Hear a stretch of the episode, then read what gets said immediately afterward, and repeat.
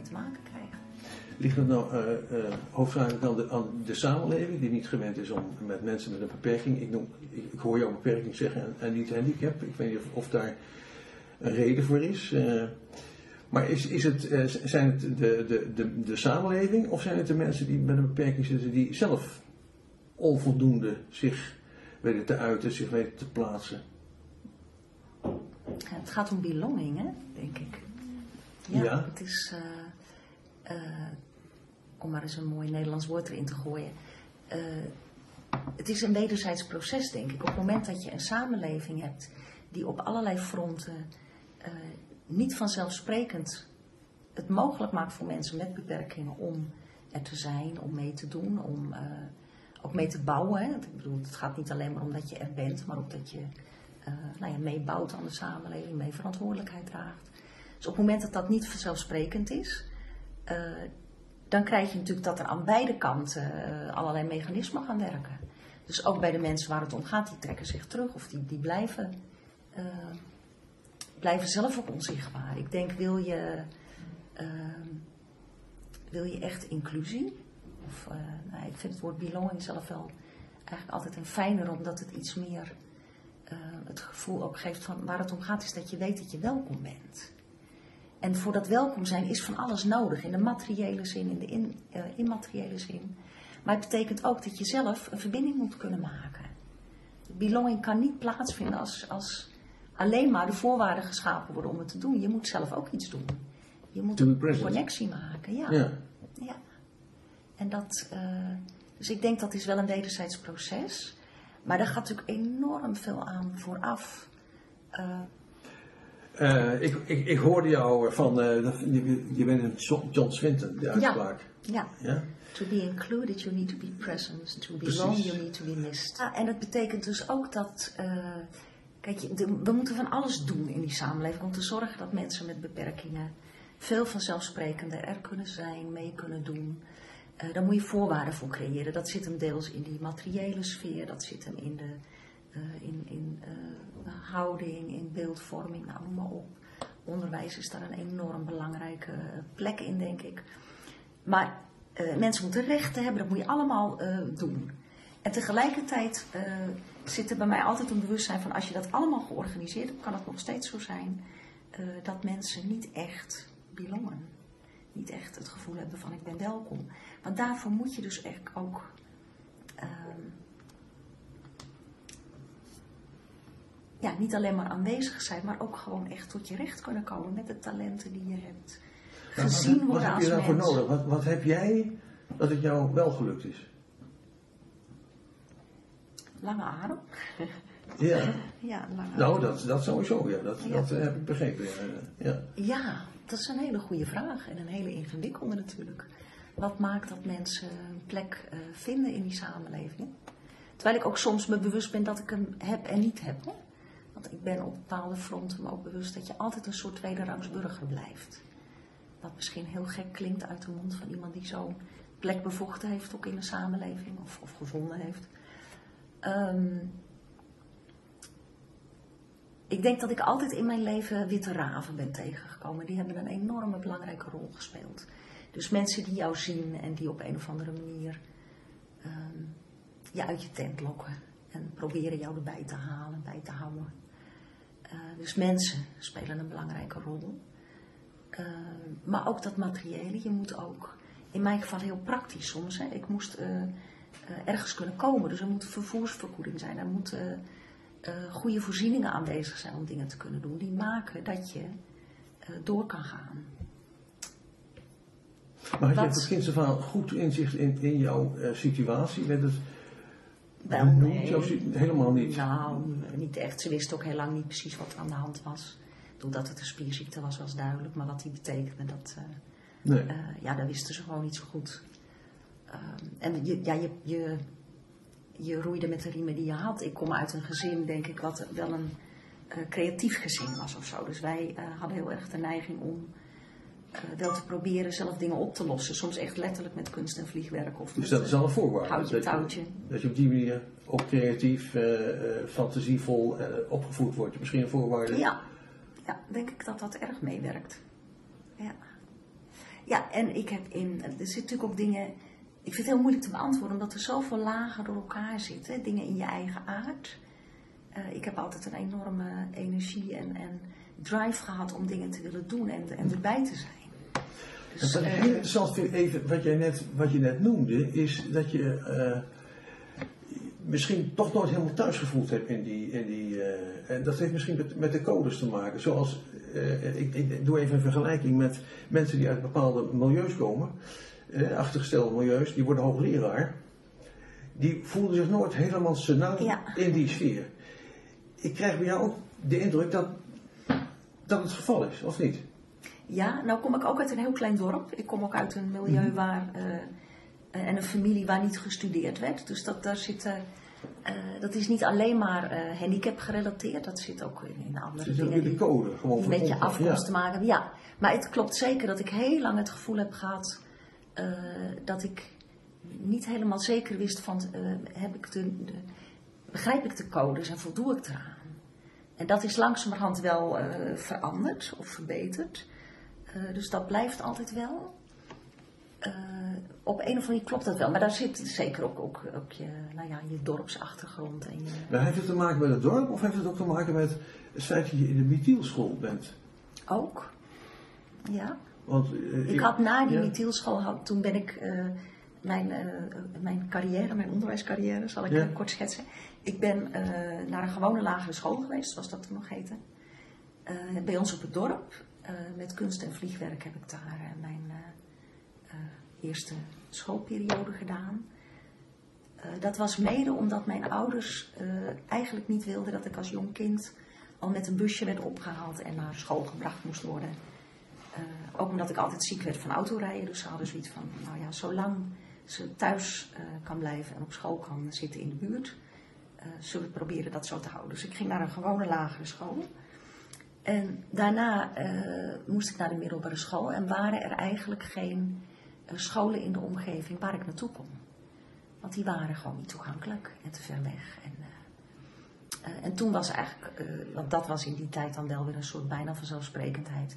Ja, dan ga je naar een Mithielschool. Dus toen ben ik naar een Mithielschool in Utrecht gegaan. En daar heb ik vier jaar MAVO gedaan. Omdat dat ook het hoogste onderwijs was wat ze daar konden bieden. Ja, dat is eigenlijk toch belachelijk, of niet?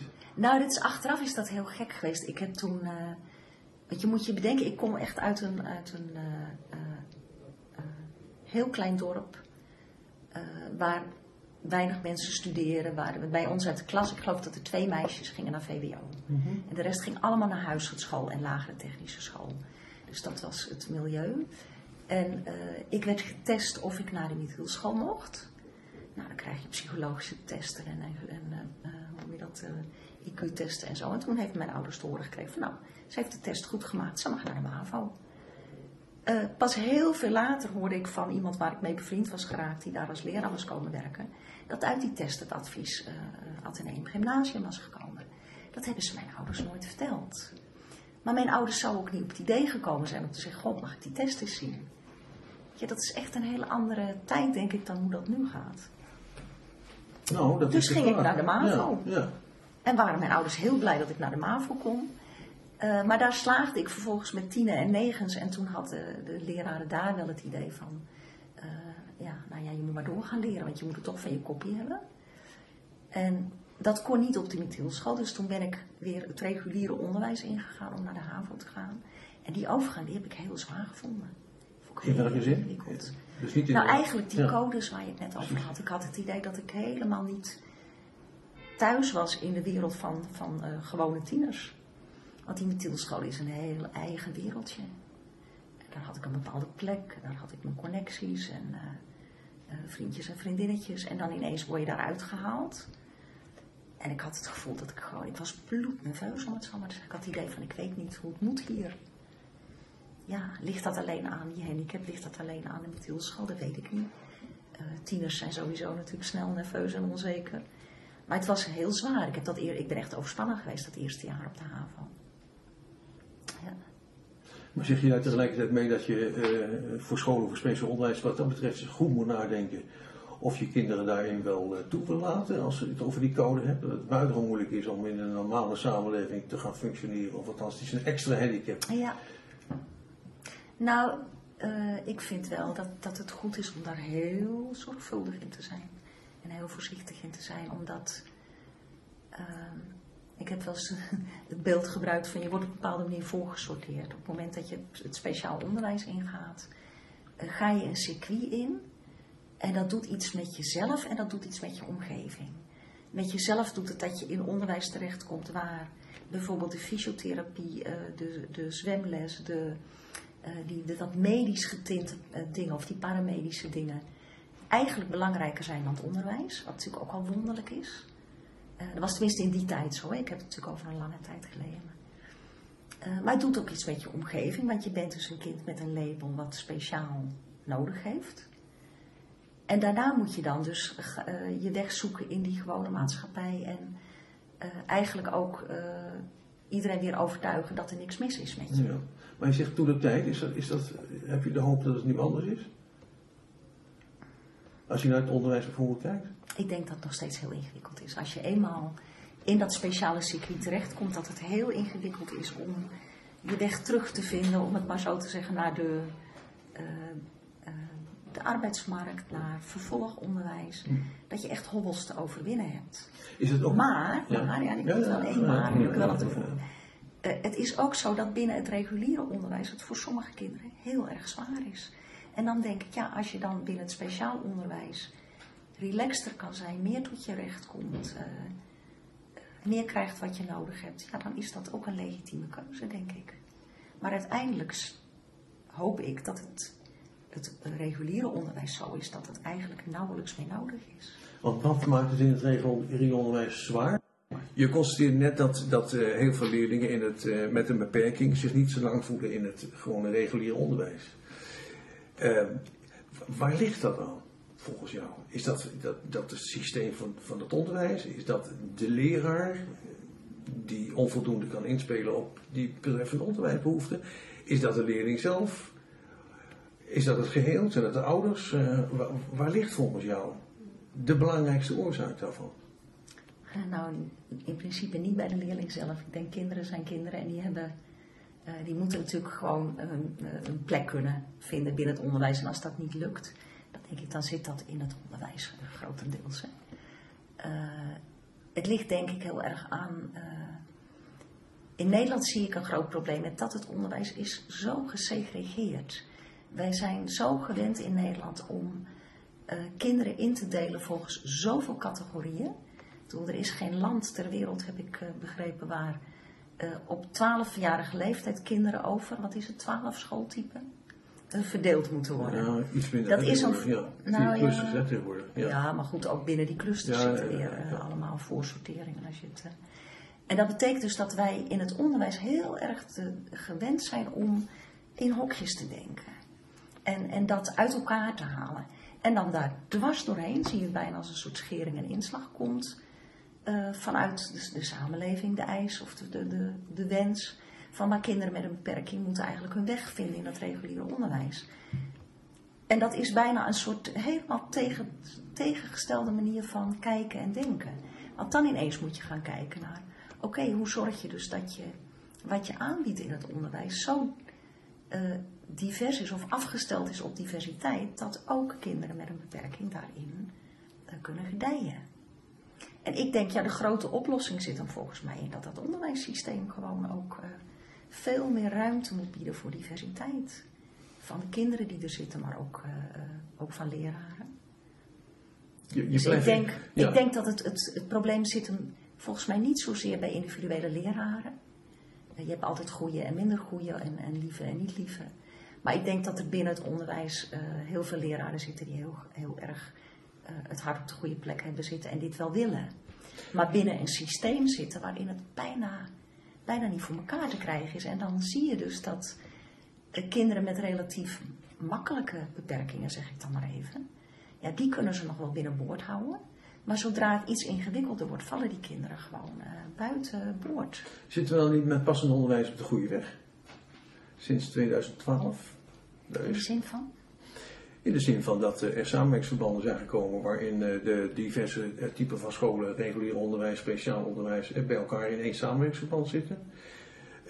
bekeken wordt waar kinderen die speciale zorg behoeven het beste terecht kunnen komen. Kijk, het blijkt uit, uit, uit, het onderzoek wat nu laatst gepubliceerd is, dat leraren het idee hebben, of onderwijs het idee, dat het een bezuinigingsmaatregel geweest is, hè, het onderwijs. Maar dat is het ook. Is dat er zo? Dat is het ook. Ja, natuurlijk is het dat ook. En, en daar, uh, daar hebben scholen natuurlijk een, een haarfijne neus voor om dat uh, te bespeuren. En wat ik het lastige vind aan het passend onderwijs is dat het zo uh, binnen het, het, systeem zoals het is, probeer je er iets in te wringen.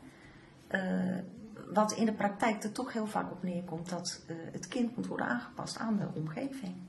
En daar bied je dan wat, wat hand- en spandiensten voor. En je probeert her en der eens wat, uh, wat ruimte te maken.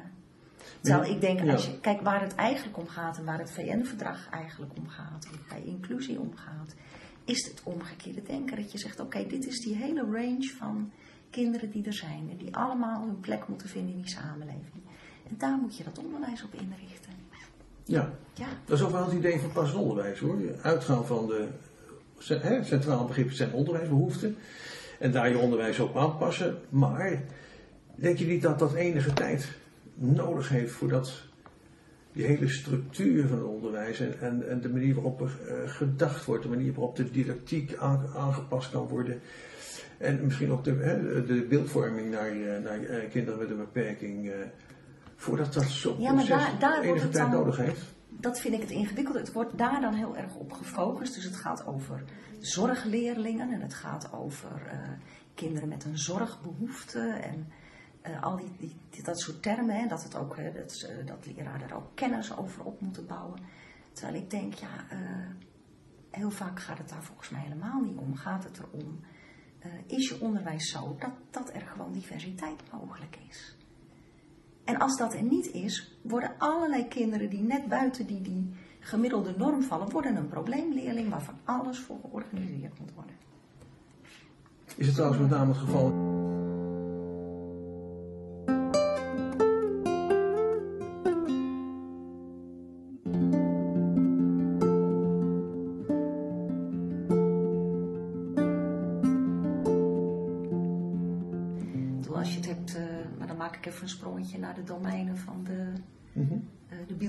dat? Ja, graag. Ja. ja. Nou, als je zo die domeinen naast elkaar ziet, dan denk ik... Uh, in mijn schoolcarrière heb ik heel veel domeinen wel gemist. Uh, binnen het methylonderwijs of het speciaal onderwijs ontbreekt alles wat te maken heeft met kunstzinnige vorming, creativiteit. echt het hele, de hele range. We hadden een, uh, een lerares Nederlands die vroeg ons wel eens om een gedichtje te maken. Dat wel. En daar hield het op. Er was geen toneel, er was geen muziek, er was geen uh, tekenen en schilderen, gewoon niks. Ook geen sport? Uh, ja, rolstoelhockey. Ja, ja. Nou ja. Schrikkelijk vond ik ja, dat. Je beweegt ja. wel. Nee, je beweegt niet, oh, alleen je je rolstoel beweegt. Oh, ja. En zwemmen, maar dat was, dat, dat, ja, dat was meer in het kader van de, de paramedische zorg, zeg maar, Ja, omdat het sport was. Ja. Maar er werd geen beroep gedaan op je eigen creativiteit en, en, en fantasie. eh, Nee, en, nee dus dat moest, ik, eh, dat moest ik zoeken. En ik heb later ontdekt, eh, of dat deed ik in de vrije tijd en buitenom. En op een gegeven moment was er een lerares op de Methylschool, die was ook kunstenares. En dan mocht ik iedere vrijdagmiddag een paar, de laatste twee uur mocht ik bij haar komen. En ik heb ontdekt dat dat voor mij een enorm belangrijke schakel is, ook in, in mijn eigen bestaan en in het...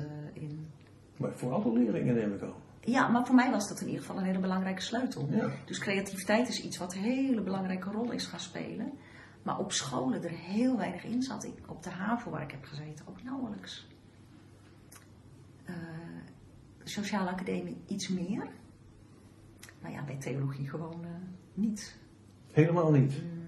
Moet je dan niet preken en zo? En, en, eh, Nee, want ik heb Nee? geen kerkelijke opleiding gedaan. Aha. Dus, nee, soms kon je wat creativiteit kwijt in, in de vorm waarin je werkstukken maakte. Of, ja, precies. Papers. Ja. ja, maar dat was toch erg talig en erg eh, papier.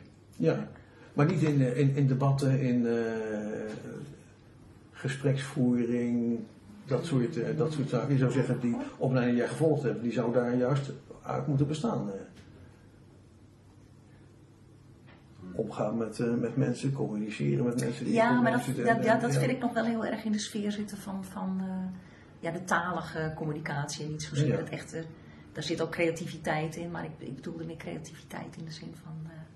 nou ja, de meer kunst. Maar geen muziek bij, bij maatschappelijk werk of rollenspellen of... Beetje, jawel, ik zei dat Ja, ja. bij de sociale academie wel een beetje. ja. Ja, met name de eerste, eerste periode wel. Want ik, ik beluister bij jou eh, dat dat voor het onderwijs in zijn algemeenheid, maar met name voor je kinderen met een beperking, van beslissend belang eigenlijk is. Voor hun bildung, voor hun ontwikkeling. eh. Ja, weet je, als je uitgaat van eh, diversiteit. En je zegt eigenlijk zou je als onderwijs ingespeeld moeten zijn op diversiteit. Daar hoort bij dat je hele diverse vormen ook aanbiedt waarin kinderen kunnen leren. En ik denk dat is waar beelding volgens mij ook om draait. Dat je eh, op heel veel verschillende manieren iets aangereikt krijgt waardoor je als mens kan groeien en kan leren. En kunnen groeien en leren en mogen uitproberen. Eh, als je het hebt over, eh, als ik terugkom op een vraag veel eerder in het gesprek van waarom is het jou gelukt op een of andere manier om een plek te vinden in die samenleving. Dat had heel veel te maken ook met kunnen groeien en kunnen uitproberen. Maar dan moet je dus een soort diversiteit ook aangereikt krijgen in vormen van leren, denk ik. Ja, En dat zit in ja. die verschillende domeinen, al wel, alhoewel die domeinen ook nog heel erg eenduidig zouden kunnen worden eh, vormgegeven binnen onderwijs. Als ik kijk bijvoorbeeld binnen Disability Studies zijn wij heel veel bezig ook met, met onderzoek en onderwijs. En proberen we heel bewust te zoeken naar creatieve methoden van werken. Omdat het dan bijvoorbeeld ook veel makkelijker is om samen te werken met mensen met bijvoorbeeld een verstandelijke beperking. Eh, of mensen die eh, heel veel moeite hebben met geschreven taal, om wat voor reden dan ook. En op het moment dat je zoekt naar bijvoorbeeld meer beeldende methoden van kennis eh, verwerven en kennis verwerken, Mhm. kunnen mensen ineens veel makkelijker meedoen dan wanneer het allemaal zit op geschreven taal bijvoorbeeld. Ja, dus aanspraak maken op de nieuwsgierigheid van mensen, op de, op de fantasie van mensen, op de creativiteit van mensen. Alle zintuigen aanspreken Precies, eigenlijk. ja. Maar ook, ook le- leren denken, denk ik, of niet? Ja, ook leren denken, maar dat denken dus ook eh, hele andere vormen kan hebben dan een paper schrijven. Ja, precies. Dus dat je op allerlei mogelijke manieren eh, eh, tot, tot relaties tussen allerlei verschijnselen kan komen en dat Ja. ook tot, tot uiting kan, kan brengen. Ja. In woord, in beeld, in geschrift. voelen, kan eh, uitproberen, ja, precies. Ja, kan ja, spelen. ja. Het aardige is dat juist, dat me- merk ik, dat het met name in het eh, speciaal onderwijs ontwikkeld wordt. Bijvoorbeeld bij Bartimeus in het blindenonderwijs, waarin men echt met de tastzin en de reukzin eh, eh, Ja. eh, en de ontwikkeling daarvan eh, van, eh, bezig is. Eh, ik, ik, nou ja, ik zie maar.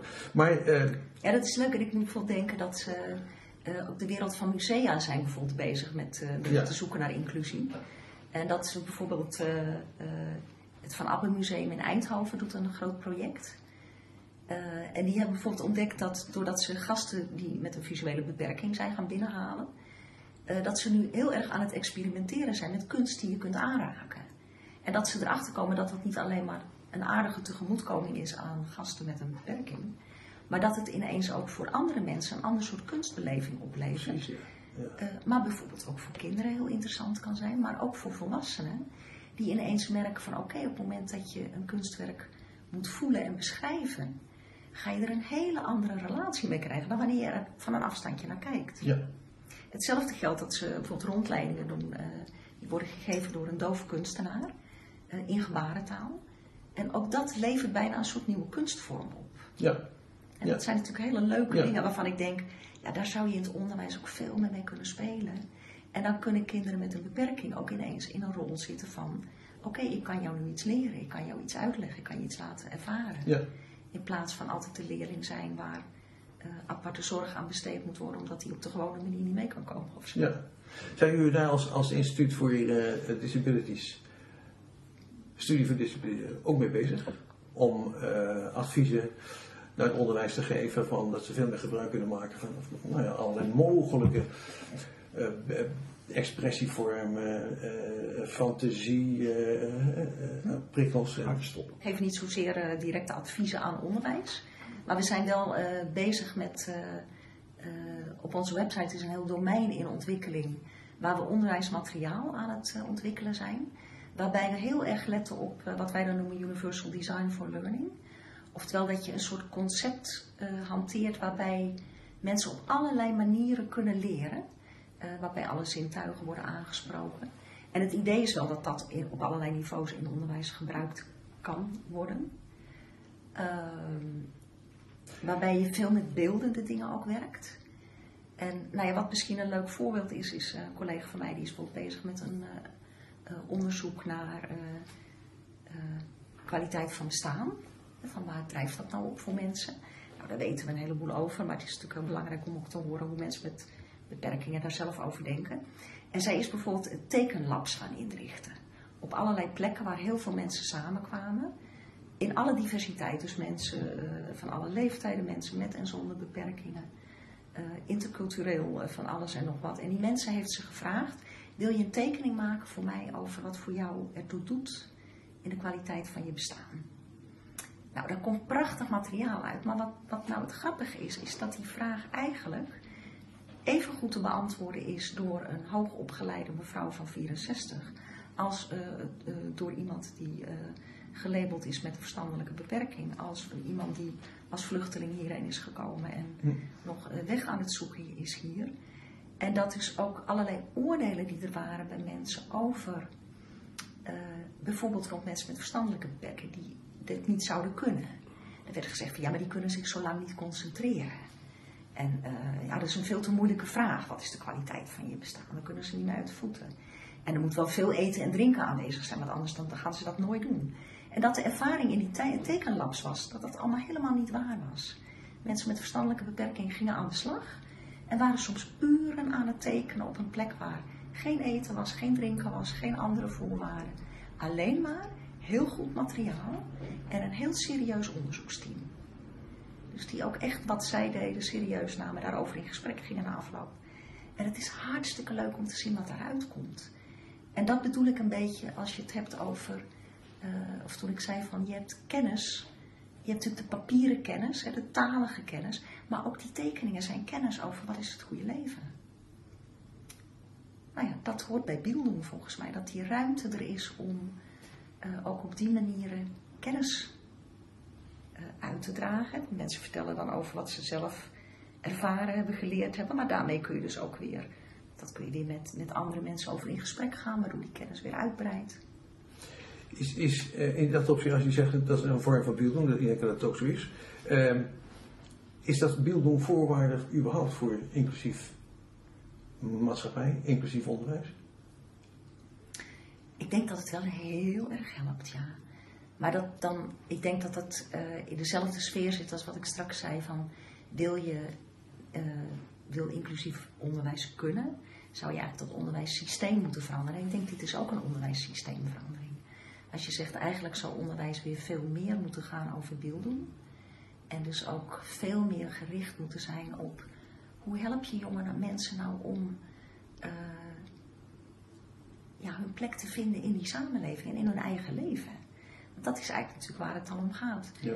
En weer een beetje af te stappen van dat dat alleen maar heel technisch is en heel erg economisch gericht is. In allerlei vakken en noem maar op, maar ook veel meer gaat ook over hoe kun je als persoon groeien en hoe vind je je weg. Precies, dat dat per definitie meer ruimte biedt voor mensen met beperkingen. Uh, uh, dat, dat, behalve dat moet je dan ook zeer gedisciplineerd zijn, denk ik, om uh, die talenten uit jezelf te halen het onderwijs zou uh, daar ook met name moeten inspelen. Dat ook mensen inzien wat voor talenten ze hebben. En als ze die hebben, dat je daar zeer gedisciplineerd mee omgaat. Nou ja, het goede leven heeft natuurlijk in allerlei uh, religieuze en filosofische contexten alles te maken met ook werken aan het goede leven. Dus dat heeft zeker ook met een zekere discipline te maken. En volgens mijn geliefde ben ik een heel gedisciplineerd mens. Ik ervaar dat zelf soms heel anders. Maar maar ik denk dat het wel waar is. Wil je, uh, Willem Schmid zegt ook zo mooi over levenskunst. Het is uh, de serieuze poging om bij tijds je leven zelf ter hand te nemen en er misschien een mooi leven van te maken. En in dat ter hand nemen zit natuurlijk heel veel, ehm, ook discipline, ja.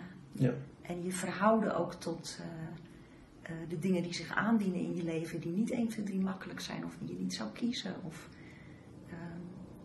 dat wat je niet in de hand hebt, maar waar je toch toe moet verhouden. Ja. Dat heeft alles met, met, eh, met levenskunst te maken. Ja. En daar hoort ook bij, denk ik, als ik aan jou let met, eh, jouw, studie en jouw werk, eh, het mobiliseren van gelijkgestemden om invloed te krijgen op datgene en, en je idealen te kunnen verwezenlijken in het politieke zin, in, Ja. in de zin van Ja. uitvoering van, van, van macht, denk ik, van invloed. Zie je daar perspectieven in? Nou, voor mij heeft het altijd wel heel dicht bij elkaar gelegen. Het, eh, gewoon mijn eigen leven zo goed mogelijk eh, leven en zo leuk mogelijk maken. Maar ook wel een zekere maatschappelijke strijdbaarheid om te kijken van hoe zorg je ook dat ook andere mensen en soms ook mensen die minder eh, het vermogen hebben om, om de strijd aan te gaan of de barricade op te gaan. nou ja, om, om daar iets ook voor teweeg te brengen, iets voor elkaar te krijgen. Ben niet echt een vechter, vind ik altijd zelf. Ik ben niet helemaal een Dat activistentype. blijkt niet helemaal als je... Maar ja, dat, Ja. daarom zeg ik, dat is wel grappig. Ja. Eh, maar ik heb wel een drive om, om maatschappelijk eh, te proberen dingen voor elkaar te krijgen. En dat, dat doe ik echt al zo lang als ik me kan heugen. Eh, want ik denk dat het goede leven staat nooit los van die maatschappelijke context. Ben je er ook politiek in bezig? Niet echt, nee. nee. Wel eens op het punt gestaan om. Maar Mhm. ik deins er ook altijd voor terug, omdat ik denk dat buiten de politiek eigenlijk meer ruimte zit om dat te doen wat ik belangrijk vind dan in de politiek. Ja, ja.